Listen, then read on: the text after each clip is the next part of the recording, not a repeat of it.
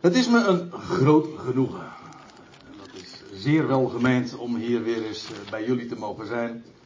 En daar heb ik niet een vleeselijk motief voor, zoals eh, zojuist werd vermoed en waarvan ik werd verdacht. Nee, want we gaan ons bezighouden met dingen die werkelijk inhoud hebben.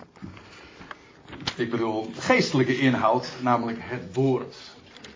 Ik eh, neem jullie eens mee naar Daniel 4. En ik heb het de titel meegegeven. Is het achterin er ook redelijk te lezen? Ik denk het wel hè. De hoogste en de allerhoogste. En we zullen het hebben over de bekende, niet de bekendste, moet ik erbij zeggen, geschiedenis van Nebukadnezar eh, in het boek Daniel dus. Eerst eventjes wat, uh, wat, wat achtergrondinformatie die je even van tevoren moet weten, of in ieder geval handig is om dat in gedachten te houden. Nebukadnezar, zijn naam die wordt, even voor de statistiek, 68 keer genoemd in de Bijbel. In het boek Koningen, Kronieken, Ezra, Nehemia, Esther, Jeremia, maar voornamelijk dus in het boek Daniel, maar liefst 32 keer. En deze man, hij was echt de machthebber in die dagen van heel de wereld. Relatief gezien was hij veel groter dan de machtigste man vandaag. Of je het nou hebt over Trump of over Poetin. Want die moeten hun machtsgebied dan toch maar delen met andere machthebbers. Maar dat was niet het geval met Nebukadnezar. Van hem lezen wij dat hij de macht had over alle koninkrijken van de aarde. We zullen het straks trouwens ook nog gewoon lezen. Dus in die zin was hij inderdaad een, een, een absolute machthebber van het, zo heet dat, het nieuw Babylonische Rijk. Want u moet namelijk weten dat ooit na de zondvloed, dus in de dagen van Noach en zijn zonen en toen die familie eh, uitbreidde, en al die stamvaders, uh, ja, gingen volkeren worden. Net in die tijd, toen begon eigenlijk de beschaving allemaal daar in het land Siniar, daar in het huidige Irak, daarbij de Uivraat. En daar werd de stad Babel gebouwd. Heel interessant trouwens dat als je het eh, vanuit het Galdeus bekijkt, betekent dat de poort Gods. En vanuit het Hebreeuws eh, benadert, zo wordt het in de Bijbel ook uitgelegd, betekent het verwarring. En dat vind ik al een heel veelzeggend verschil. Maar eh, een, nou ja, pak weg een kleine 2000 jaar eerder, dus voor die Nebukadnezar, was daar uh, die stad Babel uh, gebouwd voor het eerst, maar was in verval geraakt. En toen kreeg je, nou ja, in de dagen dus van, van Daniel, vele eeuwen, bijna twee millennia later, kreeg je dat Babylonische Rijk. Dat nieuw Babylonische Rijk. Waarvan Nebukadnezar uh, zonder twijfel uh, veruit de grootste en bekendste is. Wij kennen hem in de Bijbel vooral ook. En dat is veel minder fraai. Aan de andere kant moet ik erbij zeggen, hij wordt daarbij heel uitdrukkelijk ook door God ingezet als een instrument in zijn hand. Maar is hij vooral bekend als de verwoester van de tempel en van Jeruzalem. En eigenlijk ook de man die ervoor gezorgd heeft dat het hele volk in etappes moet ik erbij zeggen. Daniel zelf hoorde bij de, eerste, bij de eerste liggen, zeg maar, die, die gedeporteerd werden naar het land van Siniar. Maar hij heeft eh, het volk van eh, het twee stammenrijk, dat wat nog overgebleven was in het land, heeft hij allemaal gebracht naar het, uh, naar, ja, naar Babel en die omstreken en nadat hij de, de stad compleet met de grond gelijk gemaakt heeft en de tempel volledig in vlammen is opgegaan. Een boek wat daar bijvoorbeeld heel erg uitgebreid over gaat is Jeremia, die dat allemaal met eigen ogen heeft gezien. En vandaar ook het werkwoord Jeremiëren, want het heeft hem heel wat traantjes gekost. En heeft ons uh, ook het boek Klaagliederen opgeleverd. Afijn, die geschiedenis vind je in 2 Kronieken 36. Het is ook uh, het begin van de beroemde, mag ik in de Bijbel tenminste, de beroemde 70 jaren.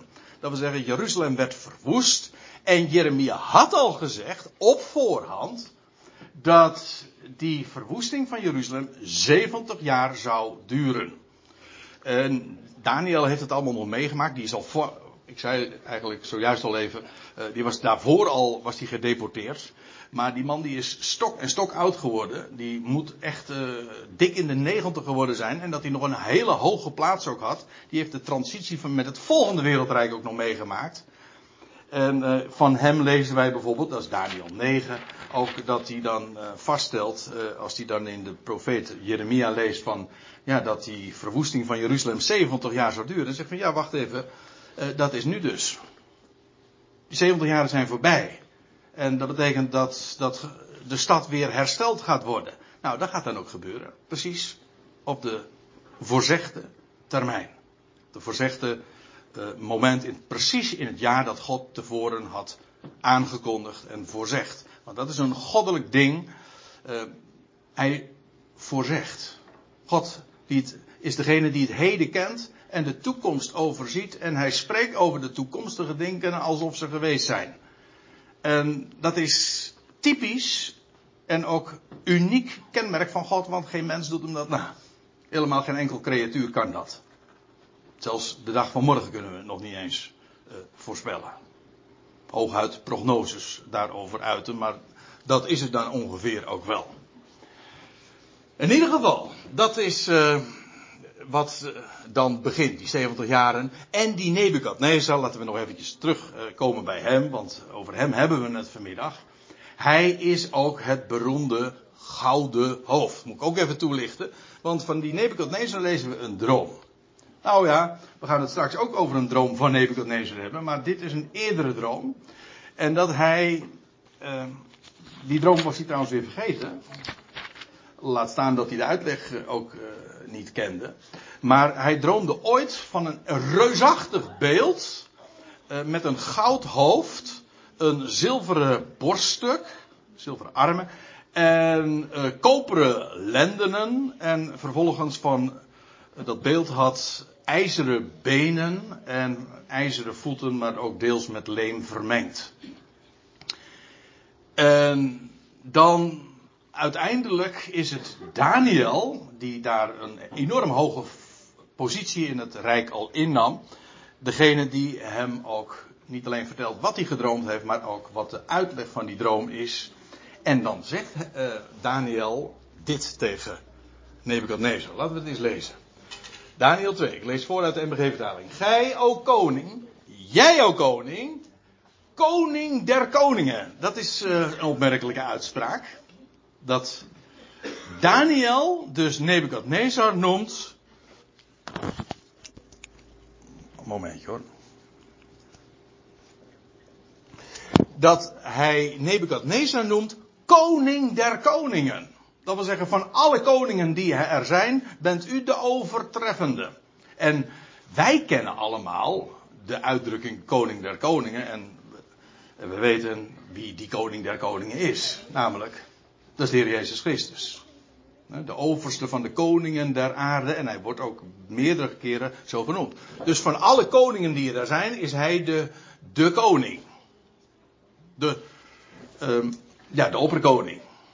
Maar dat was Nebukadnezar dus in zijn dagen. Dus er waren veel meer koninkrijken. Maar van al die koninkrijken was hij absoluut de, de top. Het hoofd. Gij, o koning, koning der koningen. Aan wie de God van de hemel het koningschap, de macht, sterkte en eer geschonken heeft. Ja, in wiens hand hij de mensenkinderen, waar zij ook wonen, de dieren des velds, het gevolgde van de hemel heeft gegeven. Let trouwens ook hierop hoe absoluut het hier staat.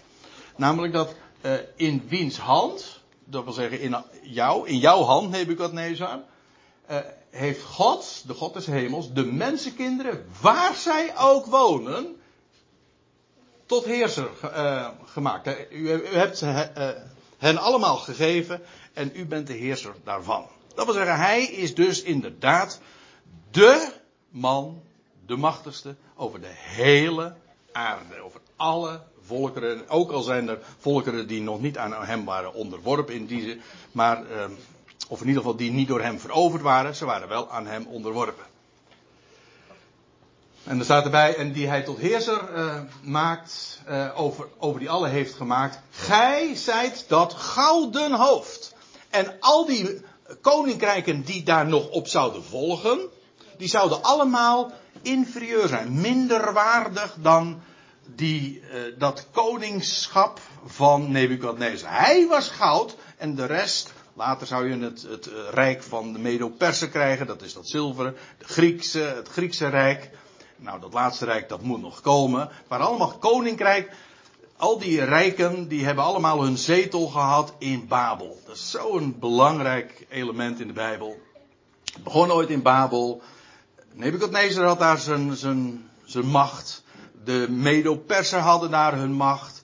Uh, later kreeg je Alexander de Grote, die maakte het ook tot zijn hoofdstad. En we weten, in de eindtijd krijgen we weer een keer een, een, laatste wereldrijk. En die zal ook weer in Babel gevestigd zijn. Hou je ogen open, zou ik zeggen. Kan niet missen, de Bijbel heeft dat gewoon voorzegd. In ieder geval, het is allemaal begonnen bij Nebukadnezar. En die was inderdaad, qua macht, qua sterkte, qua eer, etc. was hij goud. En al het andere wat daarna kwam, dat was uh, daaraan minder waardig. Nou, laat ik nu even jullie meenemen naar het hoofdstuk zelf. Naar Daniel hoofdstuk 4 dus. We komen er wel.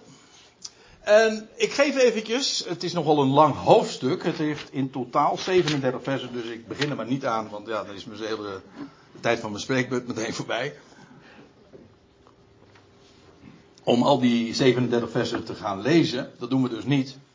Maar ik kan wel even een overzicht geven. Dat is een, de wijze waarop het uh, hoofdstuk is opgebouwd.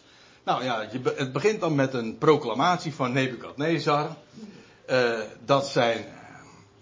En dan wordt zijn welstand beschreven. En dan uh, de droom die hij gedroomd heeft. Wordt uitgebreid dan verhaald. En dan vervolgens lees je ook. Ehm, Nee, de droom wordt gedroomd, dat wordt dan verteld en, de, en dan wordt er gezegd, ja, er, eh, er moet een uitleg komen. Een uitlegging wordt verlangd, dan wordt de droom verhaald. Dat wil zeggen wat hij precies gedroomd heeft in een zevental versen. En dan moet er, uh, wordt erbij gezegd, ja, het is vereist dat daar ook daadwerkelijk een uitleg op volgt. En dan krijg je dat de droom nog een keer, maar dan door Daniel zelf, herhaald wordt maar dan ook inclusief de uitleg.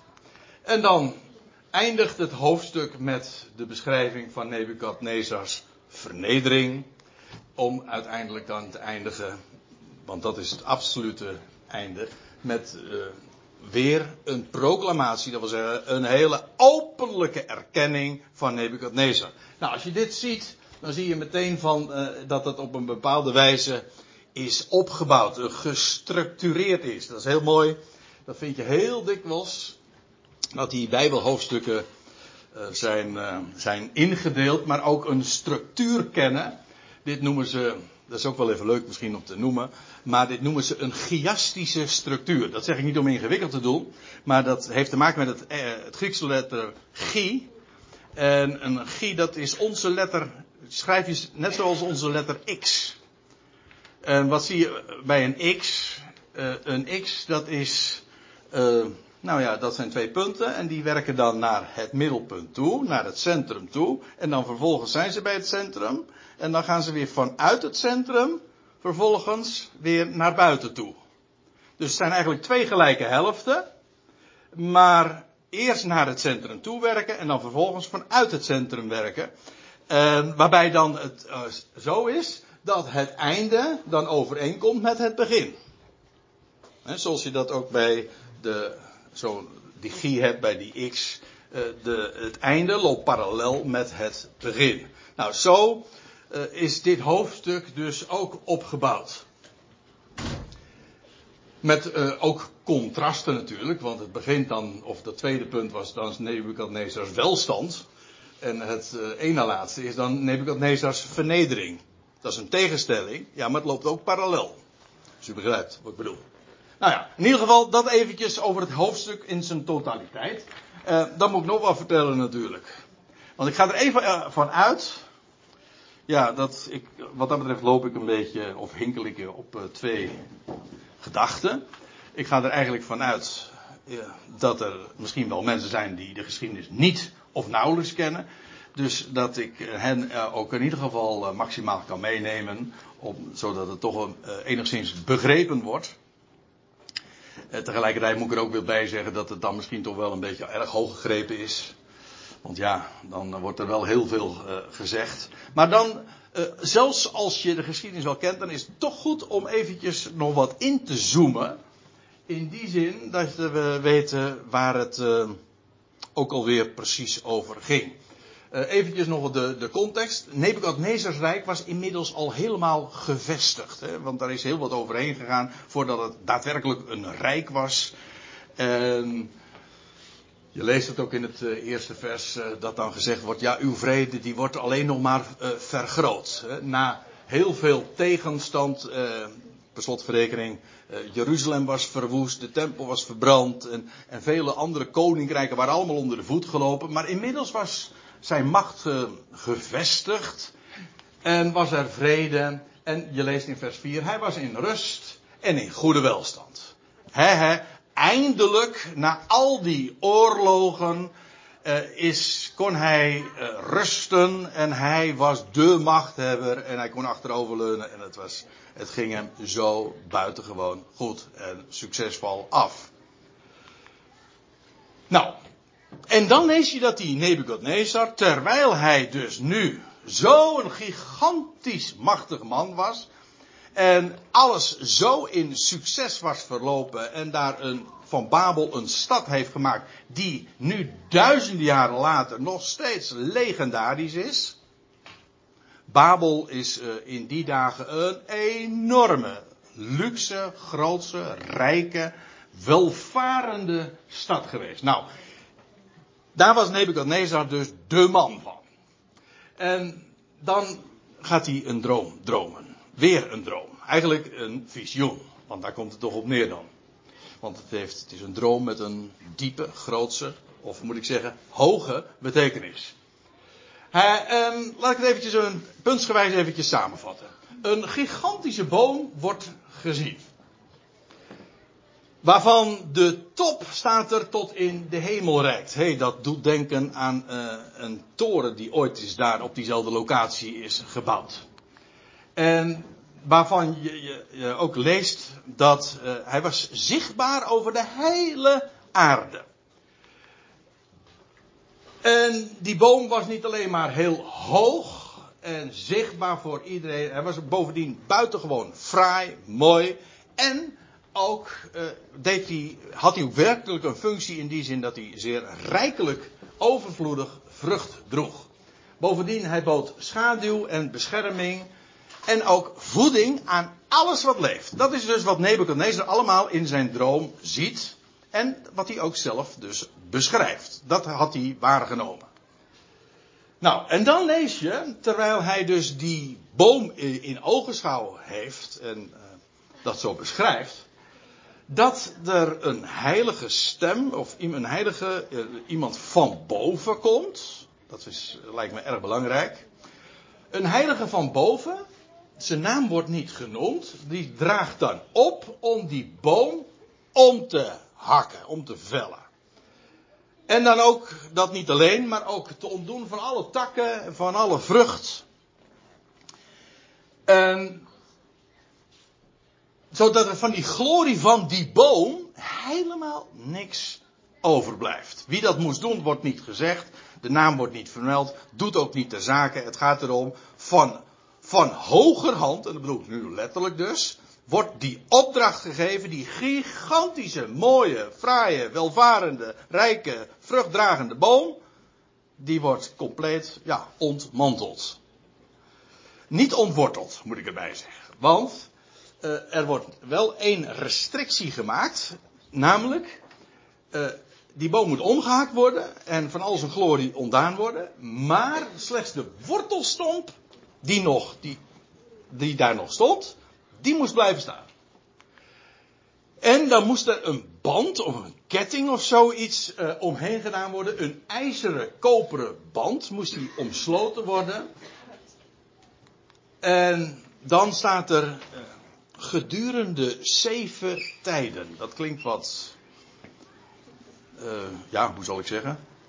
Wat cryptisch.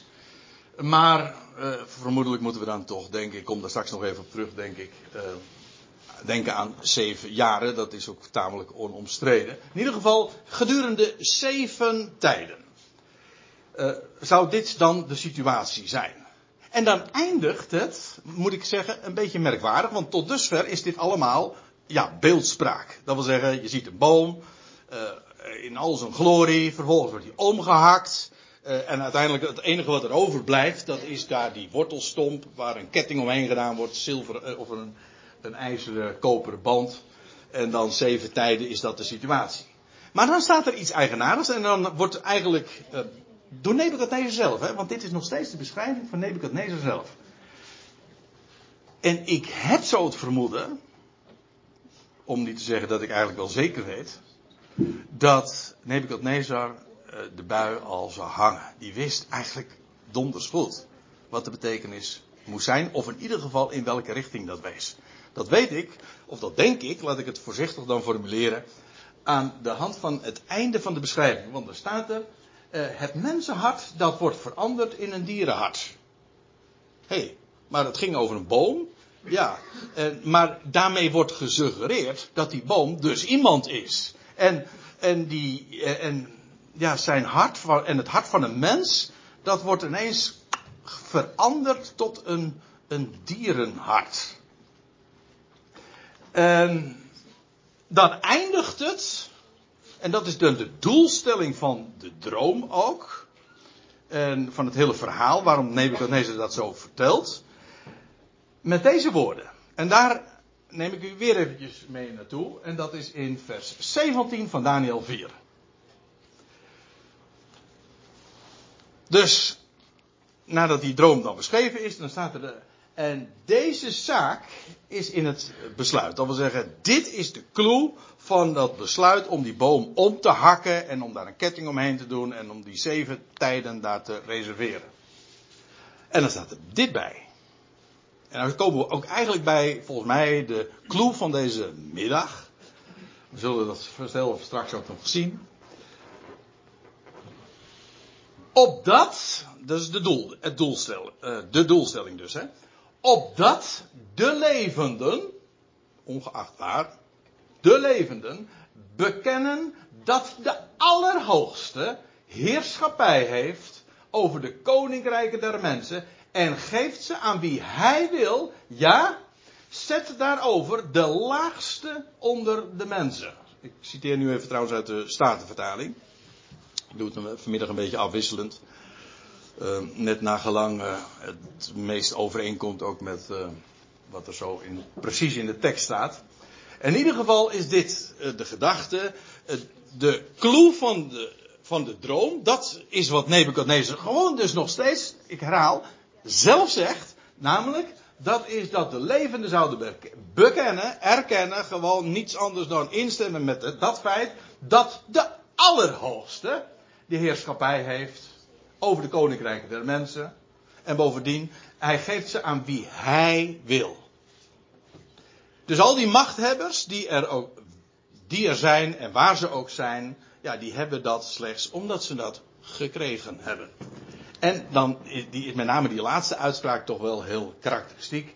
Ja, hij zet daarover, of hij stelt daarin aan, de laagste onder de mensen.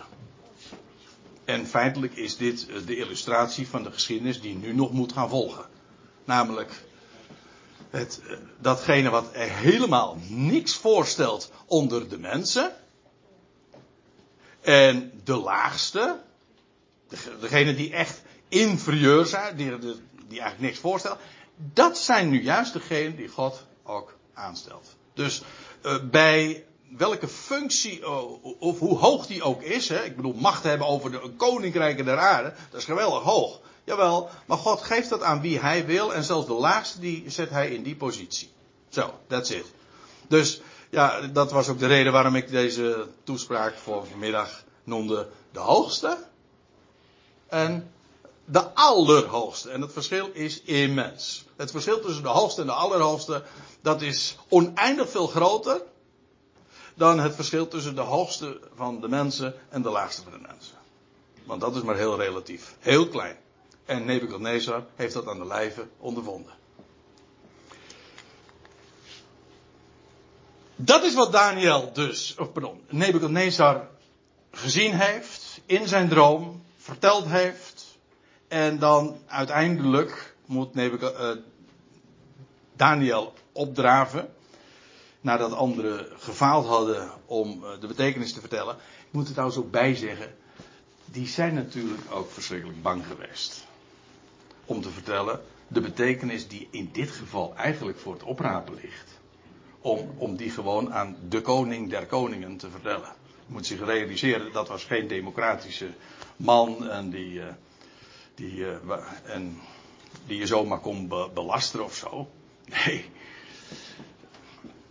Absoluut niet. Ik wil, hij had macht, dus als een, een uitleg van de droom hem niet beviel, nou dan was je gewoon, weer je gewoon een kopje kleiner gemaakt. Zonder probleem. Dan is het Daniel die inderdaad optreedt. En die gaat hem de waarheid vertellen. Niet uh, diplomatiek. Nou ja, hij is wel heel netjes, moet ik er ook bij zeggen. Als je dat ook zo in de geschiedenis leest, dat gaan we nu allemaal niet doen. Hij, hij, is, uh, hij stelt zich op als, als de, ja, de minister, weliswaar, maar in ieder geval uh, degene die de hoogste respect heeft voor dat wat God aan hem heeft toevertrouwd. Maar hij vertelt hem de waarheid. Ik bedoel, hij, aan hem werd de gevraagd om de waarheid erover te vertellen, nou, die kreeg, die kreeg hij ook. En dan ook recht toe, recht aan, niet via allerlei uh, diplomatieke, dat wil zeggen, kronkelwegen. Dat is ongeveer hetzelfde. Hè? Nou, Daniel vertelt hem die gelijke, uh, de, de droom. Uh, hij, in feite vertelt hij nog een keer de droom, maar dan inclusief wat de details in die droom allemaal betekenen. En dan zegt hij ook gewoon zonder uh, omhaal, net zo goed als dat hij dat ooit gezegd had over dat gouden hoofd, dat ben jij. Zegt hij nu ook weer, die boom, dat ben u. Zo groots in glorie. En zichtbaar, zichtbaar voor alle, alle mensen op de aarde. En imposant als niets op aarde is. Qua macht en sterkte en eer, et cetera. En die stad die gebouwd is. Nou, u bent die stad. U bent die, die, uh, die boom die u uh, gedroomd hebt. Maar laat ik u dan ook dit vertellen. Er blijft niks daarvan over, want die koningschap, dat koningschap van u wordt gewoon van u afgenomen. En je zult geworden gelijk een dier. En je, komt uh, buiten, je zit nu in een paleis, maar je komt dan buiten zitten en je zal net als de dieren van het veld gewoon uh, door de, de dauw worden bevochtigd. En je zal eten als een, als, uh, als, als een koe. Zo. Zeven tijden lang. Kun je je voorstellen dat, nee, dat een man als uh, Daniel toch ook gewoon, uh, een mens zoals u en ik, uh, gedacht zal hebben, oh, oh, hoe zal dat vallen? Hij heeft het gezegd. En ik moet er ook bij zeggen, Nebukadnezar accepteert het ook. Maar, ik moet er ook bij zeggen, terwijl die waarschijnlijk er niets tegen in kon brengen, een mens, er is niets vergeetachtiger dan een mens. Hè.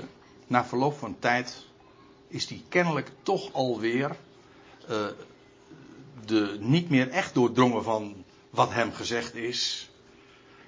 En beneveld waarschijnlijk ook, moet ik er ook bij zeggen, door de enorme glorie van zijn rijk. Nou, dan lees je, en dan haken we aan, ik, en zo begin ik te lezen vanaf vers 28. En ik wil het helemaal lezen tot aan het einde. Dus ik zal uh, echt uh, soms door uh, versen heel snel heen gaan. Dat moet je me maar niet kwalijk nemen.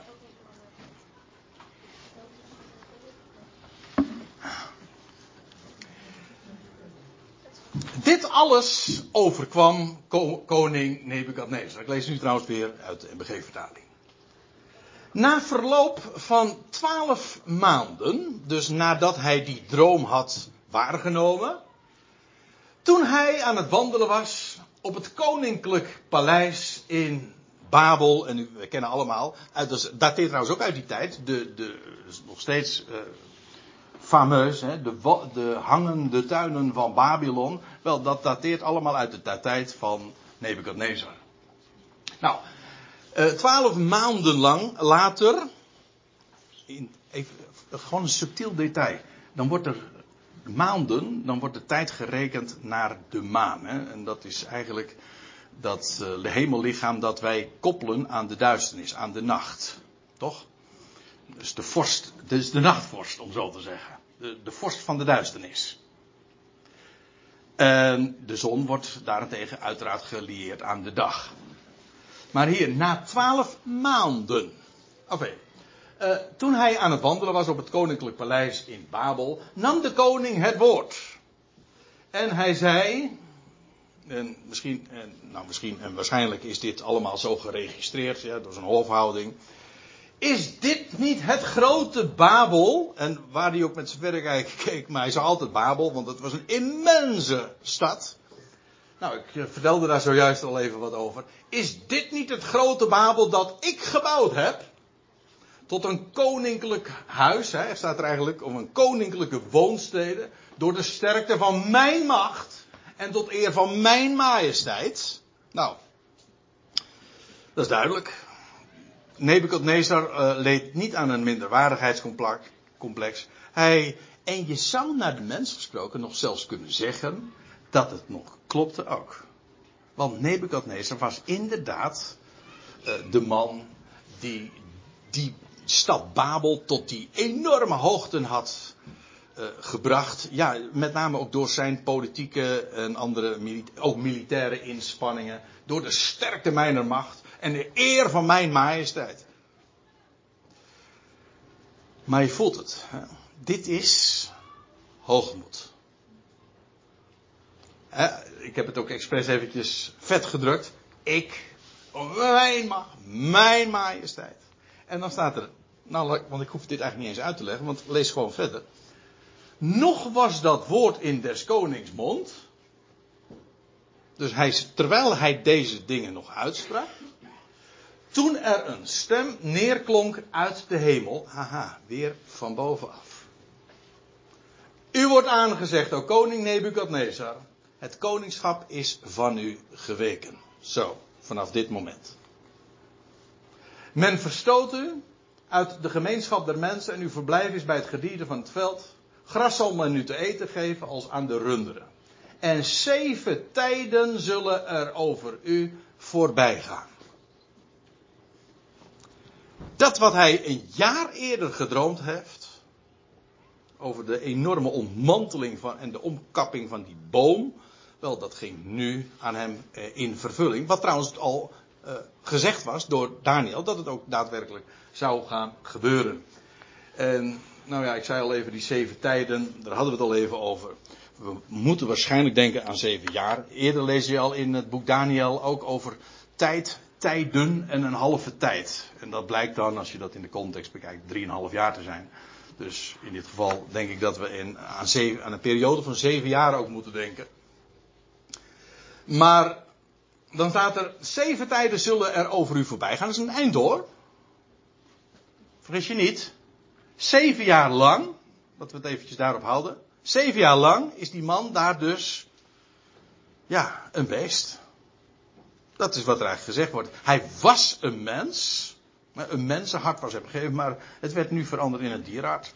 En van al die intelligentie en van al die, ja, zijn, zijn kunnen, zijn vermogen, zijn, zijn politieke, diplomatieke, militaire denkkracht en alles wat hij in huis had, daar bleef helemaal niks van over. En al zijn glorie, daar werd het van ontdaan. En het werd gewoon een beest. Een beest, een dier. Ja, maar ik moet erbij zeggen, totdat. Dat is trouwens altijd zo, als God oordeelt, dan, heeft, dan is dat nooit eindeloos. Ja, volgens sommige mensen wel, maar daar geloof ik dus helemaal niets van in de schrift is oordeel altijd iets met een totdat. God leert, zou inderdaad. Je kan op twee dingen, op twee manieren leren. je, je, kan iets gewoon horen. Dat weten we allemaal trouwens, dat is een opvoedkundig ABC. Uh, je kunt iets horen. En als je niet horen wil, dan moet je voelen. Ja. En dat zijn de, de, de ene traject. Het, de eerste is eigenlijk de makkelijkste. Ook de kortste. En veruit het uh, meest ideaal, zou je zeggen. Ja, maar voor een, een hele grote categorie is, werkt dat niet. En die moet dan voelen. En die komt ook precies uit uiteindelijk bij die eerste groep, alleen wel een stuk later. Dat duurt wat langer, zeg maar. En het is ook een veel pijnlijker weg. Ik kwam van de week nog een tekst tegen en die wil ik niet onthouden. Er staat in Jesaja 26 vers 9. Nou moet ik wel even goed zeggen. Want op een of andere manier heb ik het gevoel dat ik nu het verkeerde hoofdstuk opgeef.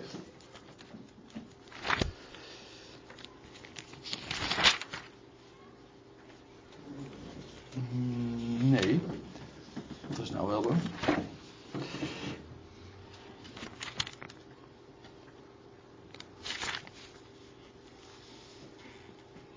Nee, dat is wel. Het staat er wel. Ik denk het is weg, maar.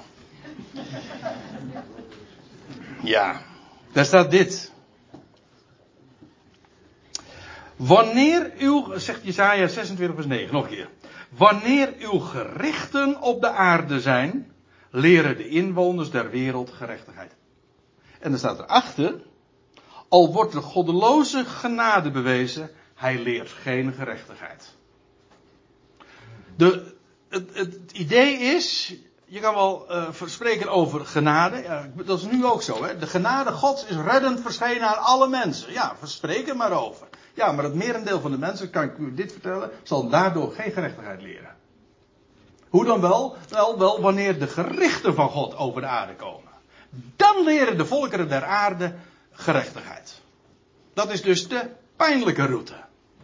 Ook zij leren het wel, alleen op een uh, onaangename wijze. Maar ik moet er eigenlijk bij zeggen, het ene is feitelijk net zo genade als het andere. Ik bedoel, God maakt zichzelf bekend. En dat is hier ook zo. Tegen deze Nebukadnezar wordt gezegd, uh, je gaat een hele diepe weg. Hij was hoog. Sterker, hij was de hoogste en nu wordt hij ineens de laagste. En God zegt, laat hem met recht een toontje lager zingen. En dat gaat een hele tijd duren. Zeven tijden. En dan staat erbij, totdat. Want het heeft een doel. God doet dat. Er staat ook, er staat, uh, ik had het zojuist over het boek Klaagliederen. Maar er staat ergens in de Klaagliederen ook: God, niet van harte verdrukt God de mensenkinderen. Het is vreemd werk van, voor hem. Dat doet hij niet van harte. Het is noodzakelijk. Het is noodzakelijk kwaad om zijn creaturen, zijn schepselen, iets duidelijk te maken. In dit geval is dat ook zo. Totdat jij, Nebuchadnezzar, erkent dat de Allerhoogste macht heeft over het koningschap der mensen en dat geeft aan wie hij wil. Zo, Nebuchadnezzar, er komt een moment dat jij dit gaat erkennen. En gaat beseffen. En dat duurt het een hele tijd. En dan, gaat er een heel, moet je door een heel diepe weg. Het komt zo ver. Totdat je dat gaat erkennen. Nou, en dan lees je in vers 33, we lezen gewoon door. Op hetzelfde ogenblik ging dat woord aan Nebukadnezar in vervulling. Hij werd uit de gemeenschap der mensen verstoten. Hij had gras als de runderen. En door de dauw des hemels werd zijn lichaam bevochtigd. Totdat zijn haar lang werd, als de veren der arenden. En zijn nagels als die van de vogels. Nou, uh, ik ben daar niet zo goed in. Maar uh, er zijn mensen die dat misschien veel mooier zich uh, zouden kunnen vertellen. Hoe, hoe hij er toen ongeveer heeft uitgezien. Maar dat, dat is niet fraai. Voor iemand van, een, van het statuur van een man als Nebukadnezar. Dat hij zo compleet vernederd is. Ik bedoel, ja. tot die laagte is gedegradeerd. Een beest. En dan zeven jaar, in feite uh, is dat in één vers neergezet hoe, wat er met die zeven jaren gebeurde. Uh, in een paar pennenstreken wordt dat verteld. Maar staat er na verloop van de gestelde tijd. Dat wil zeggen, die zeven tijden dus. Laten we even gemakshalve vanuit gaan, dat is zeven jaar. Na verloop van de gestelde tijd sloeg ik, Nebukadnezar, mijn ogen op naar de hemel. Kijk in ieder geval de goede kant op. En mijn verstand keerde in mij terug. Toen ineens werd hij dus weer uh, mentaal gezond. Uh, hij was weer bij zin. Hij kon ook nadenken. En dan staat erbij. Toen prees ik de Allerhoogste en roemde en verheerlijkte ik de eeuwig levende. Maar eerst even dit. Kijk, je moet even goed uh, ook de situatie proberen voor te stellen. Die Nebuchadnezzar heeft dat gehoord van Daniel. Uh, wat de betekenis was van die droom die hij gedroomd had. En er was ook tegen hem gezegd. Zeven tijden. Zeven tijden zal dat het geval zijn. En daarna zal je tot inkeer komen, krijg je je verstand weer terug. Nu is inderdaad, zijn die zeven tijden voorbij. En wat gebeurt er? Hij is weer bezinnen. En het eerste wat hij dus zich ook weer herinnert, is dat wat hem ooit is voorzegd, zoveel jaren geleden, door Daniel. En waarbij hij trouwens nog iets kon vaststellen. En dat is dat, dit, dat het exact is gegaan zoals God, bij monden van Daniel, had voorzegd. Het was dus naar waarheid gesproken. En daarom wist Nebukadnezar ook meteen dat het God zelf was geweest die door Daniel heen had gesproken tot hem. Dat kon hij missen. Daarom staat er ook, toen prees ik de Allerhoogste. Ho hoezo dan ineens wel? Wel, omdat hij had ingezien dat God niet met zich laat spotten. Hij had ook ingezien dat wat hij meende allemaal zelf verworven te hebben, dat het allemaal geschenk was geweest, maar hij had het ontvangen van de Allerhoogste, maar de Allerhoogste had ook inderdaad gesproken naar waarheid en daar was niets, maar dan ook werkelijk niets tegen in te brengen. Eh, een God die feilloos zijn woord vervult. Ja, dat is iemand waarvoor je helemaal ineen krimpt. Zo klein wordt. Dat is de Allerhoogste. Daarom staat er ook, toen prees ik de Allerhoogste en roemde en verheerlijkte ik de, de eeuwig levende. Ik heb een streepje, doe ik altijd consequent, uh, tussen eeuw en dat, uh, de rest van het woordje gezet. Om daarmee ook aan te duiden dat het Bijbelse begrip altijd te maken heeft met eeuw, met een tijdperk. De eeuwig leven, de, de, de, de, God die niet beperkt is tot, tot één generatie, maar de eeuwen, de wereldtijdperken omspant. Dat is de gedachte. Omdat zijn heerschappij een eeuwige heerschappij is. De ionen of de wereldtijdperken omspannend. En zijn koningschap van geslacht tot geslacht. Kijk, een koning als Nebukadnezar, al ben je nog zo machtig. Uh, ja. Hoe, hoe lang kan je regeren? Ooguit in jouw generatie. En er is in zijn geval nog weer een heel aantal jaren van afgegaan ook. Maar meer is je niet gegeven, want waarom? Je gaat weer dood. En dan gaat het weer over naar een ander.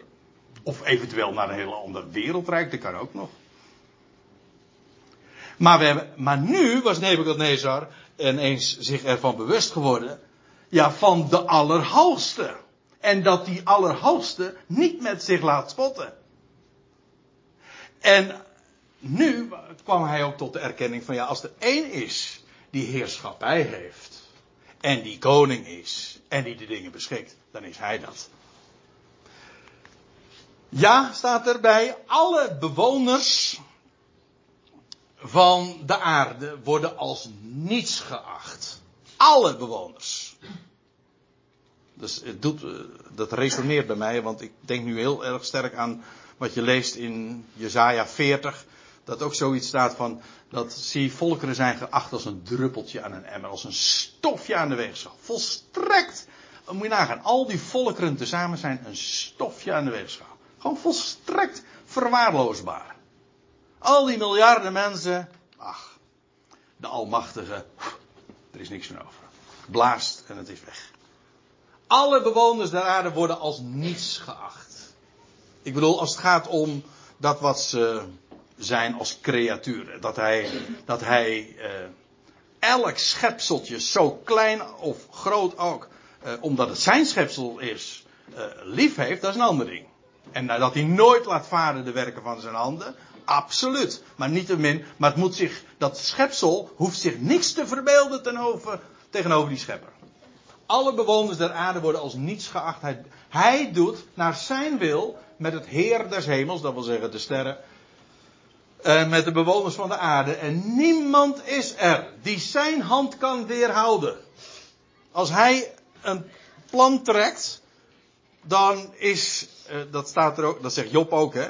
Ik weet, ik ben tot de erkenning gekomen, zegt hij helemaal aan het eind van zijn leven. Ik ben tot de erkenning gekomen dat geen uw plannen kan worden verijdeld. Als God zegt, zo gaat het, dan gaat het zo.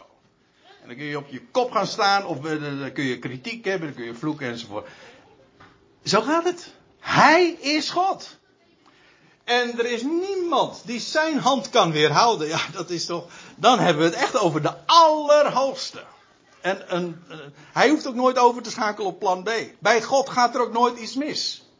Dat is een van de mooiste dingen die ik altijd. Ik, eh, als je zegt van dat heb je al vaker gezegd, dan zeg ik ja, ik zeg, ik zeg het elke samenkomst. Bij God gaat er nooit iets mis. Want hij is God. En hij geeft de dingen een plek. En hij heeft een geweldig plan. En daar kun je helemaal restloos je aan toevertrouwen. Dat is machtig. En Nebuchadnezzar zegt van, ja, hij doet naar zijn wil. En er is niemand die zijn hand kan weerhouden. Of tot hem kan zeggen, wat doe je? Of wat doet gij? Zoals een stukje klei dat ook niet doet. Hè? Dat is weer een andere bijbelse passage. Ja, dat, een stukje klei dat gevormd wordt door zijn formeerder zegt ook niet van wat ben u aan het doen. We zijn, zijn creatie. En wat heeft een mens dat hij niet ontvangen heeft?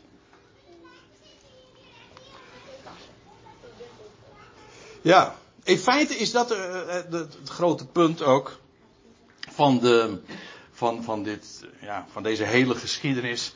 Elk mens is een werk van zijn handen, gevormd door hem. En er is niets wat ik heb, we zingen dat, staat ook in zijn opwekkingslied. Alles wat ik heb, dat heb ik van mijn vader. En alles wat ik ben, dat ben ik door mijn Heer. Dat wil zeggen, alles wat ik heb, maar ook alles wat ik ben, dat, ik ben, ik word nooit meer dan ik ben, namelijk een creatie van hem, een schepsel van hem. En ja, dat, uh, dat betekent dus dat je je niks hoeft te verbeelden.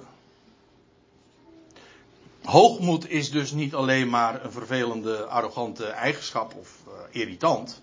Het is gewoon ook een leugen. Want je vergeet namelijk één ding. Dat is dat, dat je alles hebt en kan en bent. Gewoon omdat hij jouw schepper is. Je bent op, pas op je bestemming gekomen. Dat is eigenlijk het grote doel eigenlijk van, van heel Gods schepping. Om alles te worden in allen. Dat wil zeggen om alles te worden voor ieder creatuur.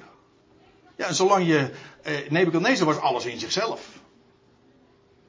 En hij moest gewoon een toontje lager gaan zingen, om het even heel eufemistisch te zeggen. In werkelijkheid werd hij gewoon uh, omgeveld natuurlijk. Uh, ja, geveld. Totdat hij tot erkenning kwam. U alles. En ik helemaal niks. Bijzonder is trouwens ook erbij.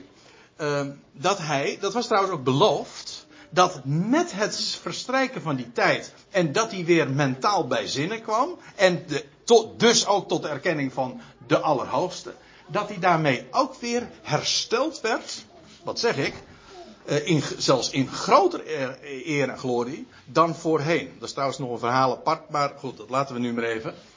Uh, er staat in vers 35 dit. Ja, alle bewoners van de aarde. Nee, even verder. Vers 36.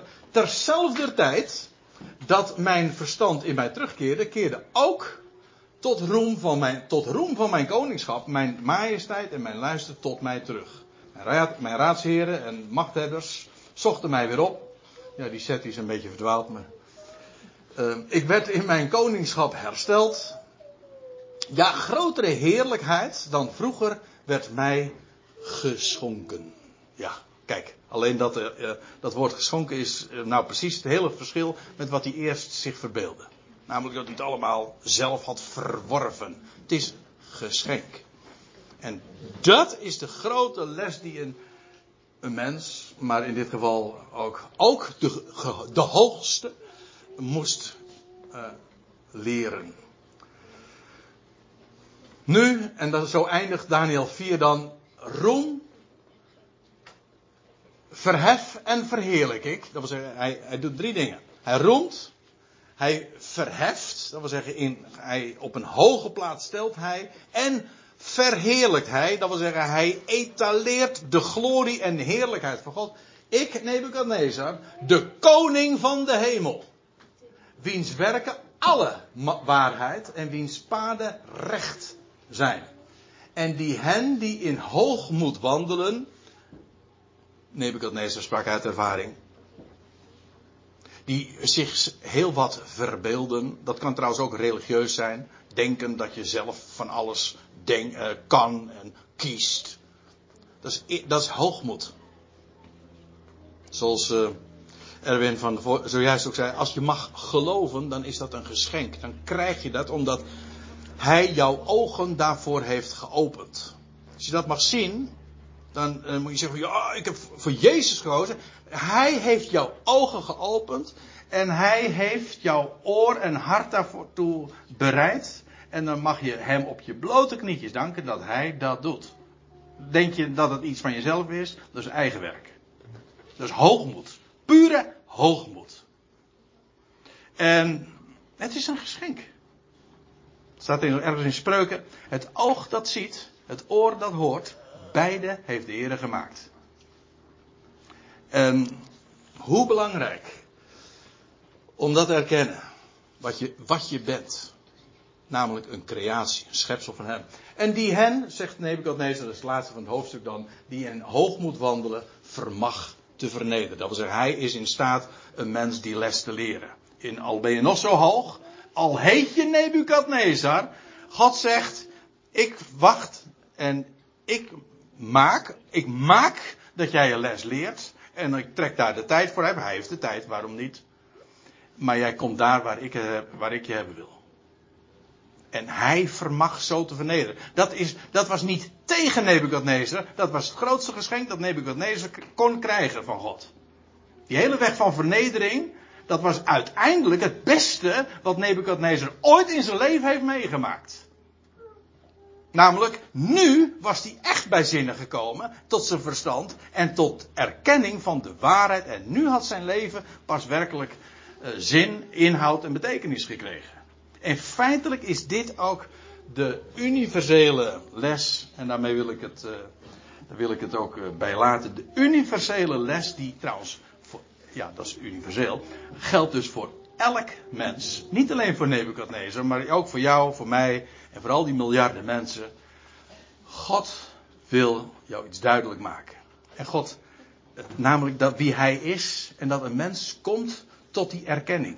Maar het geweldige is, dat, zoals dat trouwens ook bij Nebukadnezar. Dat, dat was niet moralistisch van Nebukadnezar, jij moet dit of dat. Nee, het werd hem gewoon verteld. Jij hebt dat gedroomd? Nou, ik zal je vertellen wat dat betekent. Zeven tijden gaan eroverheen, maar ik, totdat. Totdat jij tot erkenning komt. En weet je wat de schrift uh, doet? In feite is dat de waarheid van het evangelie ook. Dat vertelt over wie God is. En over de naam van Jezus. Jaweh red. En dat uiteindelijk elke knie gaat buigen. Niet moet buigen, zal buigen. En dat, nou laat ik het gewoon lezen. Dat gaat over de Heer Jezus in, Filippenzen 2.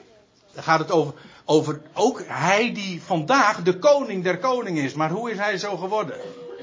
Hij vernederde zichzelf. Precies tegenovergestelde. Hij vernederde zichzelf en werd gehoorzaam, staat er, tot de dood. Ja, de dood van het kruis. Dat wil zeggen, hij vernederde zich tot de uiterste maat. En dan staat erachter, daarom ook. Dus om die reden. Daarom ook verhoogde God hem uitermate. Zoals hij zich uitermate vernederde, zal hij tot de uiterste maat ook, werd hij verhoogd. En uh, schonk hem, God schonk hem in genade De naam boven alle naam. Opdat in de naam van Jezus Weet u wat die naam betekent? Ik zei het zojuist eigenlijk al. Namelijk Yahweh, hij redt. God, red. En in die naam gaat alle knie buigen. Dan staat er letterlijk van hemelsen, van aardsen en van onderaardsen. En dan heb je het echt de hele schepping te pakken. Elke knie die er is, die gaat buigen. Ongeacht welke. Alle knie. Was trouwens al ooit, God heeft dat zelfs bij Ede al verklaard, lees je in het boek Jezaja. En nu wordt het de Paulus aangehaald en dan staat erbij, en alle tong zal instemmen. Dat vind ik prachtig, want dan gaat het niet over, dat is geen lippendienst meer hoor. Er komt een moment dat alle knie gaat buigen en dat alle tong gaat beleiden. De binnenkant, hè, niet de lippen. Alle tong gaat instemmen. En zal zeggen, Jezus Christus, Hij is Heer. En dat zal zijn tot heerlijkheid van God. Die inderdaad God is, de Allerhoogste, de Beschikker, maar ook een Vader. Dat wil zeggen, elk schepsel, elk mensenkind, daar geeft Hij om. Het is namelijk van Hem. En Hij brengt dat zo alles tot een goed einde. Zodat daar waar het begon, bij Hem, daar reinigt het ook weer. En dat is ook weer chiastisch, hè? Zullen we het daarbij laten voor vanmiddag, joh? Want uh, ik geloof dat er nog wat meer op het programma staat.